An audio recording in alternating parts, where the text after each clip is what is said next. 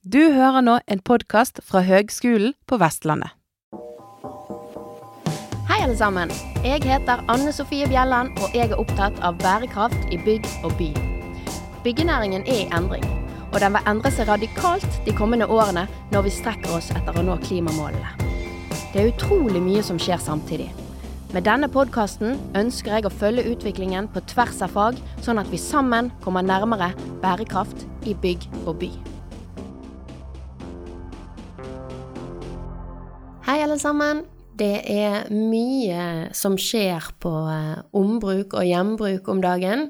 Dette er jo veldig tett eh, knyttet opp mot det å oppnå bærekraft. Innenfor bærekraftsmålene så er det et eget mål, nummer tolv, som går på ansvarlig forbruk og produksjon. Og der blir jo dette med produksjon av vårt bygdemiljø også viktig. Og det første man må gjøre for å forbedre situasjonen, det er jo å bruke de greiene vi har, lengre og eh, så godt som mulig.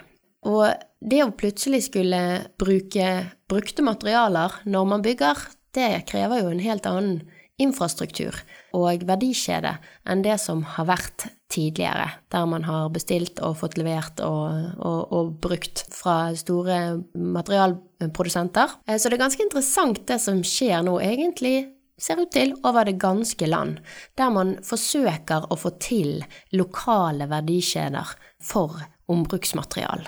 Og eh, de som eh, ligger lengst fremme der, tør jeg påstå, i hvert fall så vidt jeg har oversikt, det er jo eh, også de med flest folk, gjerne, og mest byggeaktivitet. Det er nemlig Oslo-området, som for en bare under to uker siden, tror jeg, åpnet altså det som ser ut til å være Europas største sirkulære ressurssentral for byggematerialer. Hvem er det som står bak, hvordan har de fått det til, og hva er planen, og hva er pågangen?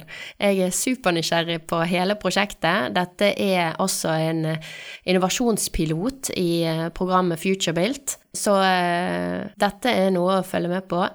Og for å finne ut av disse spørsmålene mine, så har jeg snakket med en som holder på med mye greier, men er daglig leder i Tresenteret i tillegg så sitter han i styret i eh, foreningen Pådriv. Vi får forklart litt av disse greiene her, men jeg har snakket med Åsmund Bunkholt. Halla igjen, Åsmund. God dag, god dag. Du, vi må begynne med, med din bakgrunn. Og jeg tror vi må si roller, for du har jo eh, plenty av de. Eh, men vi må begynne med bakgrunnen din. Yes, veldig kort. Fra barnsben av så er jeg tømrer, og har jo bygd en del hus her i livet. Ellers har jeg studert på det som den gang het Norges landbrukshøgskole, eh, og studerte der skogøkologi og treteknologi. God blanding av på en måte biologi og teknologi. Og så har jeg hatt masse jobber både i treindustri, i offentlig forvaltning, i forskning og litt forskjellig. Og så har jeg de siste 20 årene omtrent så har jeg vært daglig leder i Trefokus AS, som da har jobbet med markedsutvikling og informasjon knyttet til utvikling av stort trebyggeri i Norge. Både ikke minst i byer, men også i mindre steder. Ja, skolebygg og næringsbygg og boliger.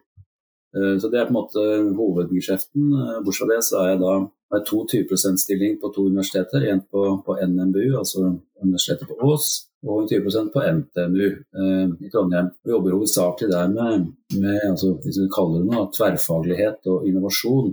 Det er jo det som kjennetegner de to jobbene der.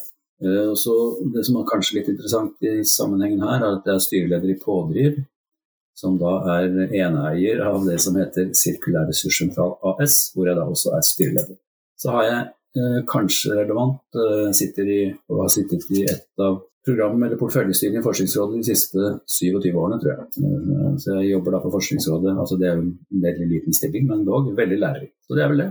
Ja, altså Hovedgrunnen til at jeg ville snakke med deg, er jo denne her eh, sirkulær ressurssentral. Kanskje Europas største. Kan du fortelle litt om bakgrunnen for prosjektet? Det kan jeg gjøre. Eh, for å gjøre en lang historie kort, som de sier. Eh, så eh, jobbet et lite firma som heter Sirkel. De jobbet med Statsbygg under, under rivingen av deler av regjeringskvartalet. Med ombrukskartlegging og forskjellige gode råd rundt det, for de har jobbet med det i mange år. Og i den prosessen så kom det opp etter hvert at uh, over byggegropa der så var det et svært telt som de skulle kvitte seg med, altså Statsbygg. da. uh, og Da var det to muligheter, fant de fram, diskuterte. ok, De kan sende på deponi og betale det i dyre dommer for å bli kvitt det. Og eller prøve å få ombruk av teltet. Resirkel har jobbet sammen med Pådriv, som vi kanskje kommer tilbake til i, i en del år.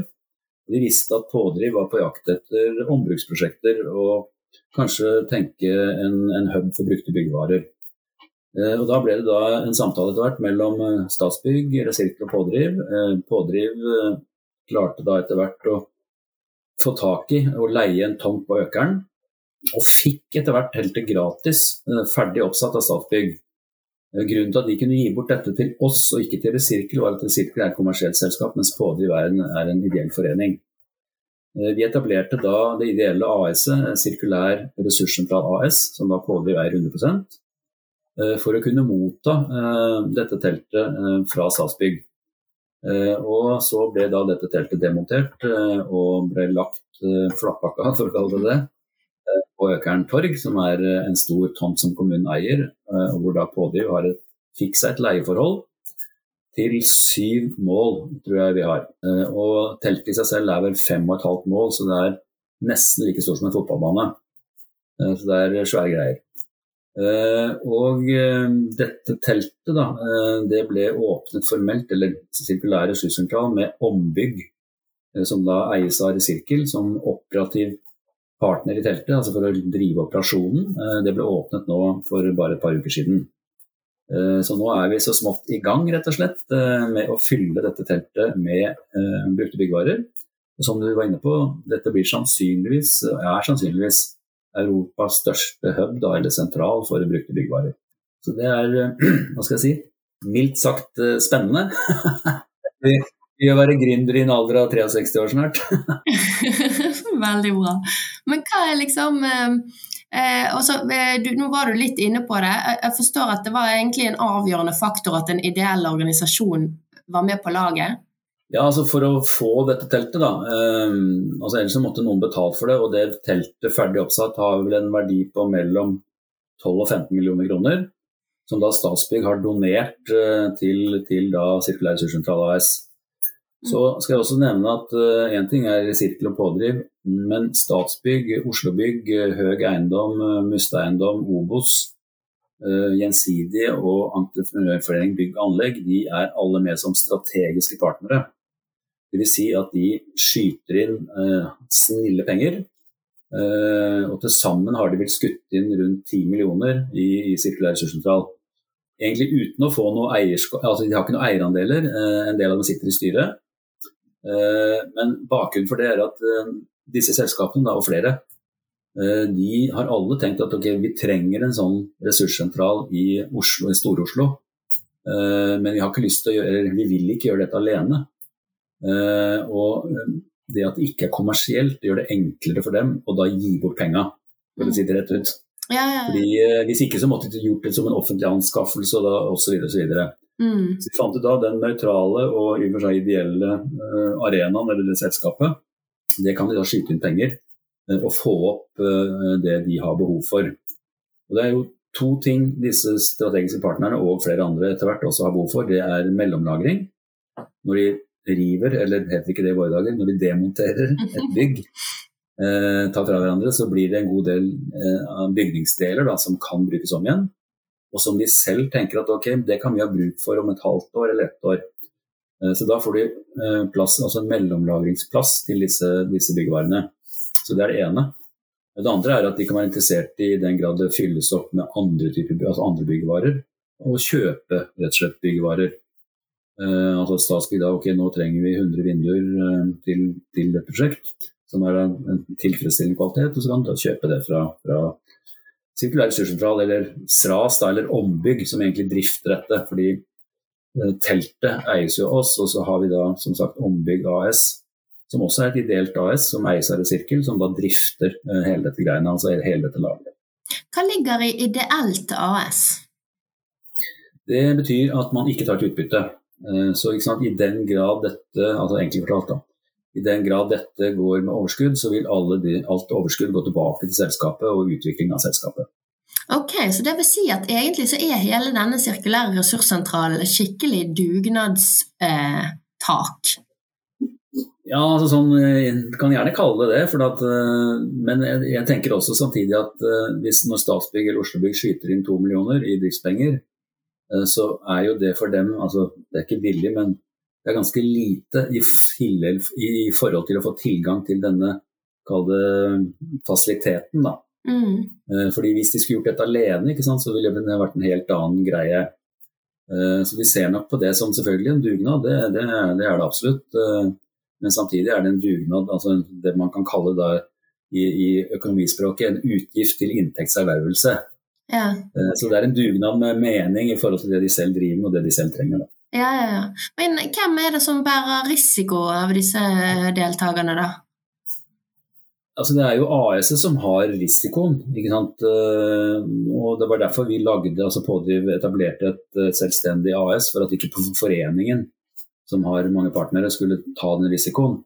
Så nå er det jo et AS med minimum aksjekapital, altså 30 000. Eh, men det er jo vi som da sitter i altså Jeg er styreleder, og så har jeg med meg Statsbygg, Oslobygg og flere i det styret. Og Resirkel, ikke minst. Og klart, Vi står jo ansvarlig for driften. Eh, så hvis ikke vi Det er som jeg sa ganske risikofylt dette her, for det er ingen som har gjort dette før. Mm.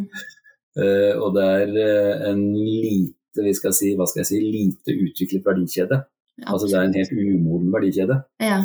Uh, og det er produkter som Nå har jo lovverket og regelverket begynt å endres og liksom gjøre det enklere med, med ombruk, men fortsatt så er det jo mye ugjort i forhold til resertifisering og dokumentasjon. og det mm. jobbes det nå fortløpende med, da. Mm, mm. Men så er det det der med den der, eh, det lokale. Man må ha noe lokalt. sant? Altså flere plasser eh, Alle, alle plasser må ha en, en, slags lokal hub eller en lokal verdikjede og infrastruktur. Og det er jo den dere har begynt å få etablert skikkelig i Oslo, da. Ja da, absolutt. Og det er et viktig poeng, fordi som jeg sier for å være litt sånn streng rundt det, da. Eh, nei, vi skal ikke sende varer til Drammen, f.eks. Nå kan det være unntak i forhold til det, fordi eh, det vil også variere med varetyper eh, i forhold til bærekraft og CO2, hva det måtte være. fordi hvis du sender tunge betongelementer som da er brukte til Drammen, så vil det uansett være bærekraftig lønnsomt og klimamessig lønnsomt. Så det er noen, altså det er noen unntak rundt den regelen. men i utgangspunktet så i hvert fall vår filosofi er at som du sier, dette skal være lokalt regionalt, så vi skal betjene Stor-Oslo. Ja. Eh, eh, og så er det viktig at det kommer opp da sånne ombrukssentraler eh, lokalt og regionalt. Det er akkurat samme som søppel. da, Hvis all søpla fra Drammen skal kjøres til Oslo, det har vært helt høl i huet. Mm. Det er helt analogt. Bortsett fra at dette her handler ikke om søppel, det handler om, om verdifulle varer. Ja, ja, som da får, får, får nytt liv. Ja. Artig. Ok, men da eh, sant, Statsbygg kjenner jo eh, vi litt til. sant? Eh, statens eh, byggeherre, eller ja. ja, ja. Og, så har vi, og så har vi da Resirkel, som har vært sentral, og det er et privatforetak. Der har jeg faktisk en pod med de for, fra langt tilbake, så de kan man lytte til der. Men Pådriv, de må vi få høre litt om. Ja, altså Pådriv er et, et, det vi kaller et likeverdig partnerskap som eh, arbeider med altså, bærekraftig samfunns- og byutvikling i Oslo i utgangspunktet. Og da snakker vi om Pådriv Oslo. Fordi det finnes også Pådriv i Stavanger og Pådriv i Trondheim eh, og andre pådrivinitiativer. Det er på en måte selvstendige eh, pådrivinitiativer. Eh, og Bakgrunnen for, for egentlig pådriv var at, og det er sikkert seks, seks år siden kanskje, på Lerkendal-konferansen i Trondheim, som er en årlig konferanse, så var det byutvikling var tema. Og Da var det en kar, jeg husker aldri hva han heter, som gikk på scenen på avslutningen og sa vet du hva, nå må vi slutte å snakke om alt dette her, nå må vi begynne å gjøre noe.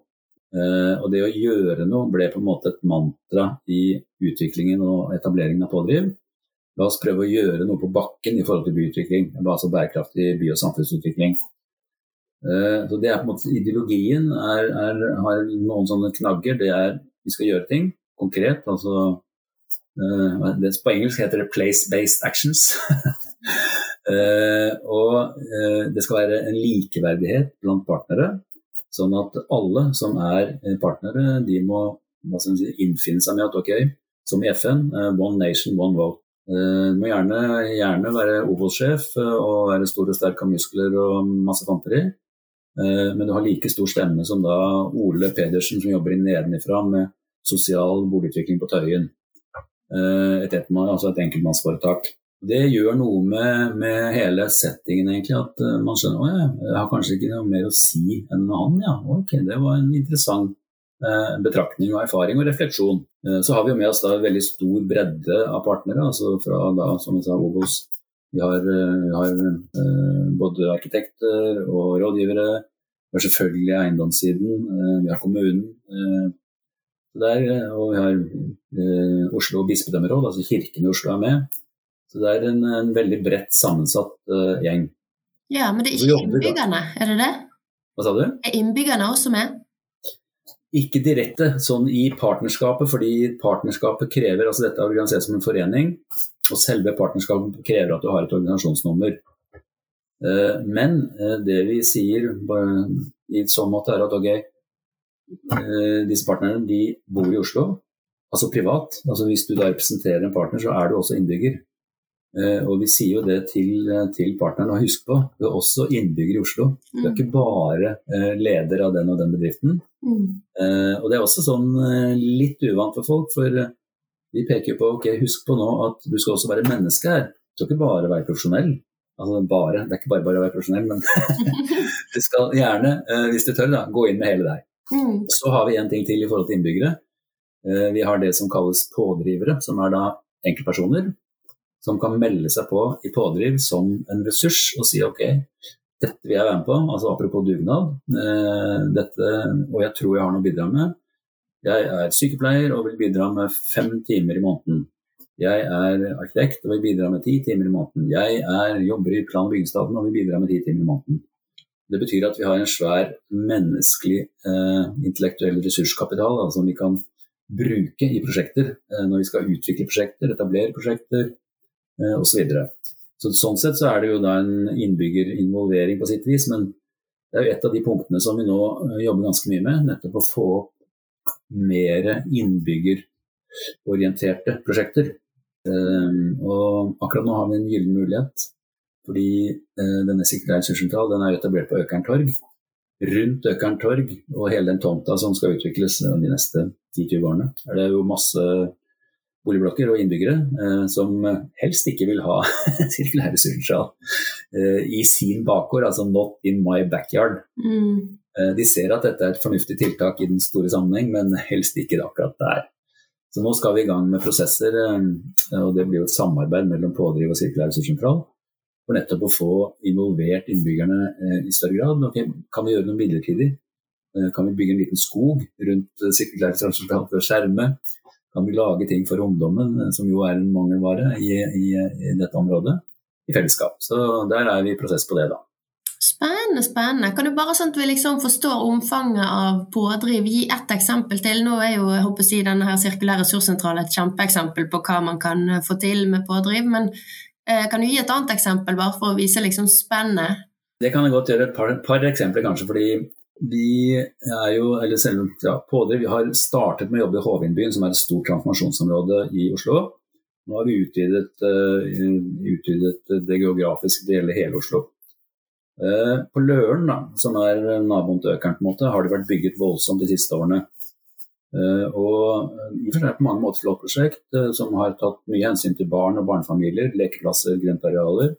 Tatt mye hensyn til eldre eller godt voksne med benker og sitteplasser og sånn men eh, man har glemt ungdommen. Eh, og hva skjer da? Jo, da begynner ungdommen å henge på T-banen, de begynner å lage bøg i helgene. Eh, så det har vært et økende sånn ungdomsproblem, da. Og vi begynte å snakke med, da, med, med sameier og borettslag, ok, hva kan vi gjøre her? Og For en lang historie kort så har vi etablert da prosjekt som ungdommen selv skal styre. og som har overskriften 'Hvordan kan Løren bli en drømmebydel for ungdom'. Uh, og Det er da i den andre enden, altså det er litt i den softe enden av skalaen. Uh, I forhold til da Stras, som er jo et hardcore, altså det er jo den harde enden av skalaen. Uh, og så har vi et annet interessant prosjekt som heter, heter Livssynsåpent hus.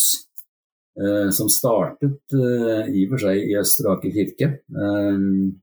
Bokstavelig talt inne i kirkerommet med biskopen og flere i spissen. Og hvor, hvor, man da eh, tenkte ok, nå skal vi invitere ulike trosretninger inn og se kan vi lage et felles felleshus hvor hvor disse ulike livssynene kan møtes og snakke åpent og, og ha altså, samtaler osv. Samtidig som de kan ha sine egne rom, for å det da, til egne ritualer, fordi de er jo litt forskjellige. Eh, men da skape det fellesrommet. Eh, og det er, har utviklet seg veldig positivt. Altså Vi har med tror jeg, det som er av livssyn, ikke alle livssyn kanskje, men veldig mange. Eh, og ser nå, er fysisk nå på jakt etter lokaler hvor vi kan realisere det livssyns, livssynsåpne huset. Og det er en interessant dimensjon i en stor by med mange religioner. Ja, veldig, veldig spennende. Men det, det er jo litt av et spenn i, i, de ulike initiativene da. det må jeg si. Utrolig, ja. utrolig spennende. Og så dekker vel pådriver, den funksjonen dekker på en måte det der kanskje litt uformelle samarbeidet som må til for at ting skal gli litt. Ja, altså det er det vi i hvert fall tror, og nå tror jeg nok kommunen i økende grad ser at uh, det å jobbe på en måte på nøytral grunn, for å kalle det, da, Altså for det er det vi sier at okay, dette er en infrastruktur for samarbeid eh, på, på, en, på, en, nøytral arena. Mm. Hvor alle er like mye verdt, alle leker med å si. Det spiller ikke noen rolle hvilken posisjon eller hva, hva, hvor du er fra, kommer fra, og hva slags jobb du har, eller hvilken makt du formelt sett har. Det betyr ingenting. Uh, og det kommunen nå ser i økende grad, som sagt, er at den måten å jobbe på, den får opp hastigheten på en del prosesser og prosjekter som man har strevd med lenge og fått til. Mm.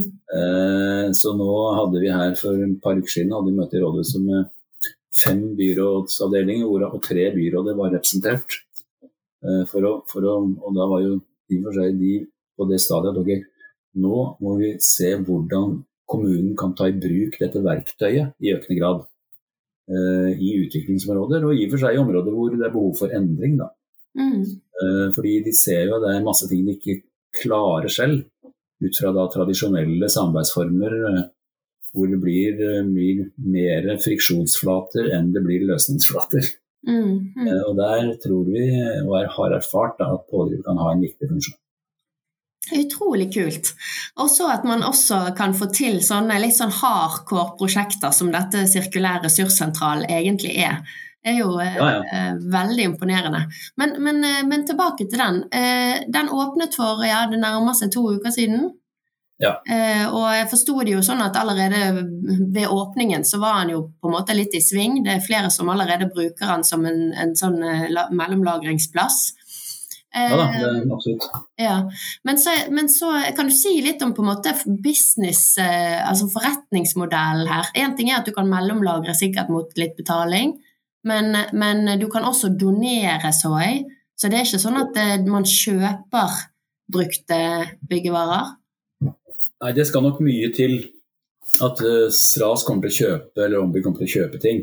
Fordi eh, sant, når du sier mellomlagring er jo greit, det er en eh, effektiv måte for en, en eiendomsforvalter eller utbygger, eller en entreprenør for den saks skyld, som vi også nå er i diskusjon med, Eh, og få løst et konkret problem. Så er det dette med donasjon, fordi når du river eller demonterer et bygg, så har du jo da, og veldig ofte et alternativ har vært, da, det er at du må hive dette på, på dynga, som det het i gamle dager. Heter ikke det lenger, men ombruks- eller gjenbruksstasjonen. Men det koster penger. Når du kommer da med en uh, brukt 280 eller en brukt strålbreke på den stasjonen og leverer den, så er det er dyrt i dag, og det blir enda dyrere videre. Uh, og Det betyr at det er et økonomisk incitament. å si ok, Istedenfor å kjøre på dynga, så kjører jeg det til Stras eller ombygg. Uh, og er da kvitt problemet. og så er det hele tiden en, et spørsmål, og det har vi ikke funnet svar på ennå, i forhold til hvordan konterer man CO2-gevinsten her? Fordi det blir jo en CO2-gevinst med å kjøre over på økende grad ombruk og brukte materialer. Uh, og der er jo ikke regnereglene utvikla ordentlig ennå. Så det blir også sånn, men, sånn et, et, arbeid videre, da. Men uansett så vil jo uh, bedriftene som da si, driver med dette, de vil få eh, implisitt en konkurransefortrinn. De som går først i miljøløypa, de blir etter hvert preferert og vil kunne tjene på det. Altså ved å få kontrakter eller at de tilegner seg kompetanse osv. Mm. Eh, så det ligger jo inni som jeg sa, verdikjeden er umoden, men vil jo utvikle seg nå fortløpende i løpet av de nærmeste årene, tror jeg. Absolutt. Men da, hvis jeg forsto det riktig, så eh, er det på en måte eh, byggeier som kan få levert eller donert. Men, men altså, hva driver ombygg med demontering, er vel spørsmålet mitt. Drar de ut og henter på forespørsel? Nei, det gjør det ikke. Og der er det jo, det er jo masse profesjonelle, altså kall det riveentreprenører, da, eller demonteringsentreprenører. Mm. kommer det til å bli flere som vil spesialisere seg på det. Så det vil ligge utenfor det som ombygg og, og SRAS skal drive med. Mm. Si, det vi skal gjøre, det er å utvikle det digitale rundt dette. Uh, og uh, det er jo allerede en god del aktører på det digitale markedet i forhold til å kartlegge og, og, og synliggjøre. Uh, og vi hadde senest i dag, i tidligere i dag et møte i den nasjonale kunnskapsarenaen for ombruk i byggebransjen, som, som er etablert av, av STRAS altså Sirkulær ressurssentral, eh, som, men som, drift, ja, som, driftes av oss. Men der er det strategiske partnere også som har skutt inn penger for å få til den driften. Eh, og der er det jo ikke flere kongstanker, da, men det er i hvert fall flere tanker rundt at uh, vi må etablere en open source digitalt på, alt som er i bunnen. Altså sånn at du får en digital felles plattform for, for ombruksvarer. Og så kan de enkelte firmaene, om det er Madaster eller Loopfront eller whoever, de kan utvikle sine spesielle tjenester mot markedet, altså på lik linje med andre ting. Og selge det og slåss om kundene, for å kalle det det. Men det er veldig viktig med den delingen i bunn, at vi har en sånn digital eh, bunnplanke. da. Eh, så det jobber vi en del med nå, for å få opp både forståelsen for eh, at det bør være sånn. Altså, det er omtrent som å gå i SSB og hente data. Så kan du utvikle forretningsmodeller og bedrifter på basis av det. Og det tenker vi kan, kan fungere på lik linje da, i forhold til, til hva er tilfanget i bunnen der av materialer. Ja, og da er det jo òg et spørsmål med hvilken informasjon om materialet er nødvendig. Er vi på det òg? Å snakke om liksom, altså Når du skal dokumentere et materiale eller digitalisere det, da, hva skal du da ta med? Ja, ikke sant? Det er, det er jo det landskapet vi går inn i. fordi um, Hvis du kjøper en ja, en 280, da, altså, eller en, en 48 198 eh, i, i, dag, så kan den Den er både dokumentert i forhold til EPD, altså miljøegenskaper. Eh, den er også dokumentert i forhold til å kunne gå inn i en, en BIM-løsning. Eh, og det er, klart, eh, det er helt åpenbart at brukte materialer må, må, inn i det i den verden, for å kalle det det. Mm. Eh, EPD har man kommet ganske langt, eh, og det foregår kontinuerlig arbeid altså, i forhold til standarder osv. Eh, og så må vi gjøre samme jobben da både på ja, dokumentasjon i forhold til egenskaper sånn ellers, og den BIM-dimensjonen. Mm. Så det, det, er jo arbeid som, må, som, delvis er i gang, og som det jobbes mer med framover. Okay. Det er jo veldig spennende, da.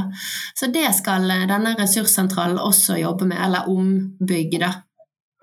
Ja, og i og for seg hele det økosystemet. fordi sant, her er det veldig mange som er interessert i å få til dette, rett og slett. Mm. Uh, så vi driver jo gjennom da, den kunnskapsarenaen, nasjonal kunnskapsarena, så får vi opp uh, altså egne prosjekter med egen finansiering. Som bl.a. nå ser på det med, med resertifisering. Mm. Hvordan kan det best gjøres til billigst mulig penger? For eksempel, da. Altså, mm. Så der, det, der, er det, og der er det en del prosjekter. Det blir helt sikkert flere prosjekter framover. Veldig, veldig bra, da. Men, men hvordan har på, pågangen vært siden åpningen, vet du det? Ja, altså jeg vet at Ombygg, som er operatøren, de har hatt stor pågang på, fra kunder som ønsker eh, å da både delvis donere, men også ikke minst mellomlagre varer. Så De jobber fortløpende med, med det. da. Så, så, i hvert fall så langt så er interessen eh, sånn rent fysisk sett den er vel over det jeg hadde forventet. Så utrolig gøy. Men, men eh, det har jo en tidsavgrensning, dette håper jeg, første fase eller første prosjekt og sånn. sant? Hva, kan du ja. si litt om liksom, hvordan det ser ut for fremtiden? Ja, altså vi har jo, For først har vi en leieavtale på, for, for, det teltet da, altså som går ut 2025. Det er jo ikke lenge til. Så vi har jo allerede nå begynt å jobbe med alternative lokasjoner, rett og slett. Mm. Fordi vi vet at vi må flytte. Nå kan det hende at det kanskje blir 2026, det vet vi ikke ennå. For det er litt utsettelse på prosjekter i, i området der. Uh, uh, så det, det, må vi finne ut av, kort og godt. Mm. Uh, så er det også det å si at det sånn ideelt sett, altså hvis vi hadde klart å utvikle en heldigital sammenheng her mellom da demontering og nybygg, så bør jo, eller burde ideelt sett teltet være ikke nødvendig. Altså Det tror jeg tar mange år. Men at man kunne ha mer samsvar mellom eh, når er det man demonterer og når bygger man nytt. Sånn at eh, de, når man demonterer, så står det en tomt klar for å ta det, de materialene, i tillegg til nye materialer, da, direkte inn. Men det er et, eh, det er et langt lerret å blekke. så, jeg tror vi trenger fysiske ressurssentraler i en god del år framover. Mm, absolutt. Um, ja, men da, da håper jeg det blir spennende å se hvordan dette her går videre. da. Jeg tenker jo at etterspørselen her må jo være veldig stor, og det er jo bare også veldig interessant å se hvordan dette her skal få håper eh, jeg, utvikle seg også på andre lokasjoner, som f.eks. Bergen. ja da, det var jo Jeg refererte til denne, dette møtet tidligere i dag. eller Det er jo en digital arena i utgangspunktet, den kunnskapsarenaen. Og det var jo folk fra Bergen der, det var folk fra Bodø, det var folk fra Tromsø, det var folk fra Molde. Så det skjer jo nå eh, etableringer, eller i hvert fall initiativer til etableringer veldig mange steder i Norge. Og det er jo veldig bra. For som jeg sa, skal, altså jeg tror jo på at dette må skje lokalt og regionalt. Så kan det være som sagt noen varer som lar seg transportere langt, fordi ikke, altså de er lite følsomme eh, i forhold til at det lønner seg, altså både bærekraftsmessig og klimamessig. Men i utgangspunktet da at det blir lokale og regionale etableringer. Og det gjør det helt sikkert, det er bare tidsspørsmål. Mm. Ok, stilig. Så da har vi altså ført, eh, på å si i hvert fall så vidt jeg vet, eh, Norges første sirkulære ressurssentral der du kan både donere byggevarer til, du kan mellomlagre byggevarer, og du kan kjøpe brukte byggevarer. Mm. I et kvantum som gjør det interessant for industrien. Da. Ja, vi satser på det. Ja, Veldig, veldig bra. Utrolig interessant, eh, Åsmund. Eh, helt på tampen, har du noen gode råd til de som skal ut og forme morgendagens byggenæring? ja, ikke sant. Uh, ja, det kan kanskje hende jeg har. Jeg tror jo, uh, og det diskuterte vi også litt tidligere i dag, jeg tror det er viktig at man er åpen for nye løsninger. Uh, altså Selvfølgelig at man har et fokus på, på ombruk, uh, altså det, men det er på en måte en forutsetning i mitt hode. Men jeg tror kanskje spesielt at man er åpen for samarbeid på tvers av fagene. Altså økt grad av tverrfaglighet, og dette kan være helt generelt, altså litt uavhengig av dette med ombruk også. Fordi en del av de utfordringene som vi ser ut av vinduet, altså den ligger foran oss, de krever økende grad av, av både samarbeid og tverrfaglighet. Og da er det å Ehm, det å liksom se på eget fag versus andres fag, og skjønne at andres fag har en like stor verdi som eget fag. Altså Man skal være stolt av sitt eget fag og det man kan osv. Ehm, men man skal også da ha ydmykhet i forhold til andres fag. Og tenke litt hm, hva kan jeg lære av, av, det faget der eller av den personen der. Så Det er jo et eh, godt råd, sånn tror jeg. Ehm, det andre er jo det å En ting er å tenke kunnskap eller kompetanse. Men så er det dette med ferdigheter. Jeg tror eh, det med ferdigheter blir også viktig framover. Eh, og det kan være alt fra liksom samarbeidsevner eller eh, kommunikasjon eller altså andre typer ting. Da. Og det å være nysgjerrig på Og det gjelder ikke minst de som driver og utdanner studenter. Det å tenke hva skal vi tilby studentene? Og som student eller som morgendagens aktør, hva, hvilke ferdigheter jeg tror blir viktig der ute. Uh, at det blir litt mer refleksjon eh, rundt de tingene der, tror jeg kan være lurt. Fordi um, utdanningssystemet er ganske boksa inn og ganske sånn Vi lever i, i våre egne siloer hele gjengen, stort sett. Mm. Og det å komme ut av siloene og se på tvers, uh, det tror jeg kanskje vil styrke både, både enkeltmennesker, bedrifter, men også da samfunnet totalt sett. Veldig bra. Gode, gode råd der, Åsmund. Tusen takk for praten. I like måte. Veldig interessant å høre hvordan ulike parter med ulike forutsetninger må jobbe sammen for å få til noe sånn som dette her. For dette er liksom noe eh, Det er ingen som løser disse greiene her på egen hånd. Det er på en måte eh, bransjen i fellesskap som må, som må nappe og dra for at, eh, for at, det skal komme løsninger på det området her. Og det som de har fått til i Oslo nå, det syns jeg er utrolig imponerende. Vi har jo lignende initiativ i Bergen, og eh, jeg hører det er flere steder i landet der eh, man også jobber med å få opp dette her. Uh, og det er utrolig kjekt, og ikke minst bare det der at det, er en lokalitet i det. Så jeg heier på alle som yter det lille ekstra for å få disse tingene opp og gå. Veldig, veldig bra. Ha det godt!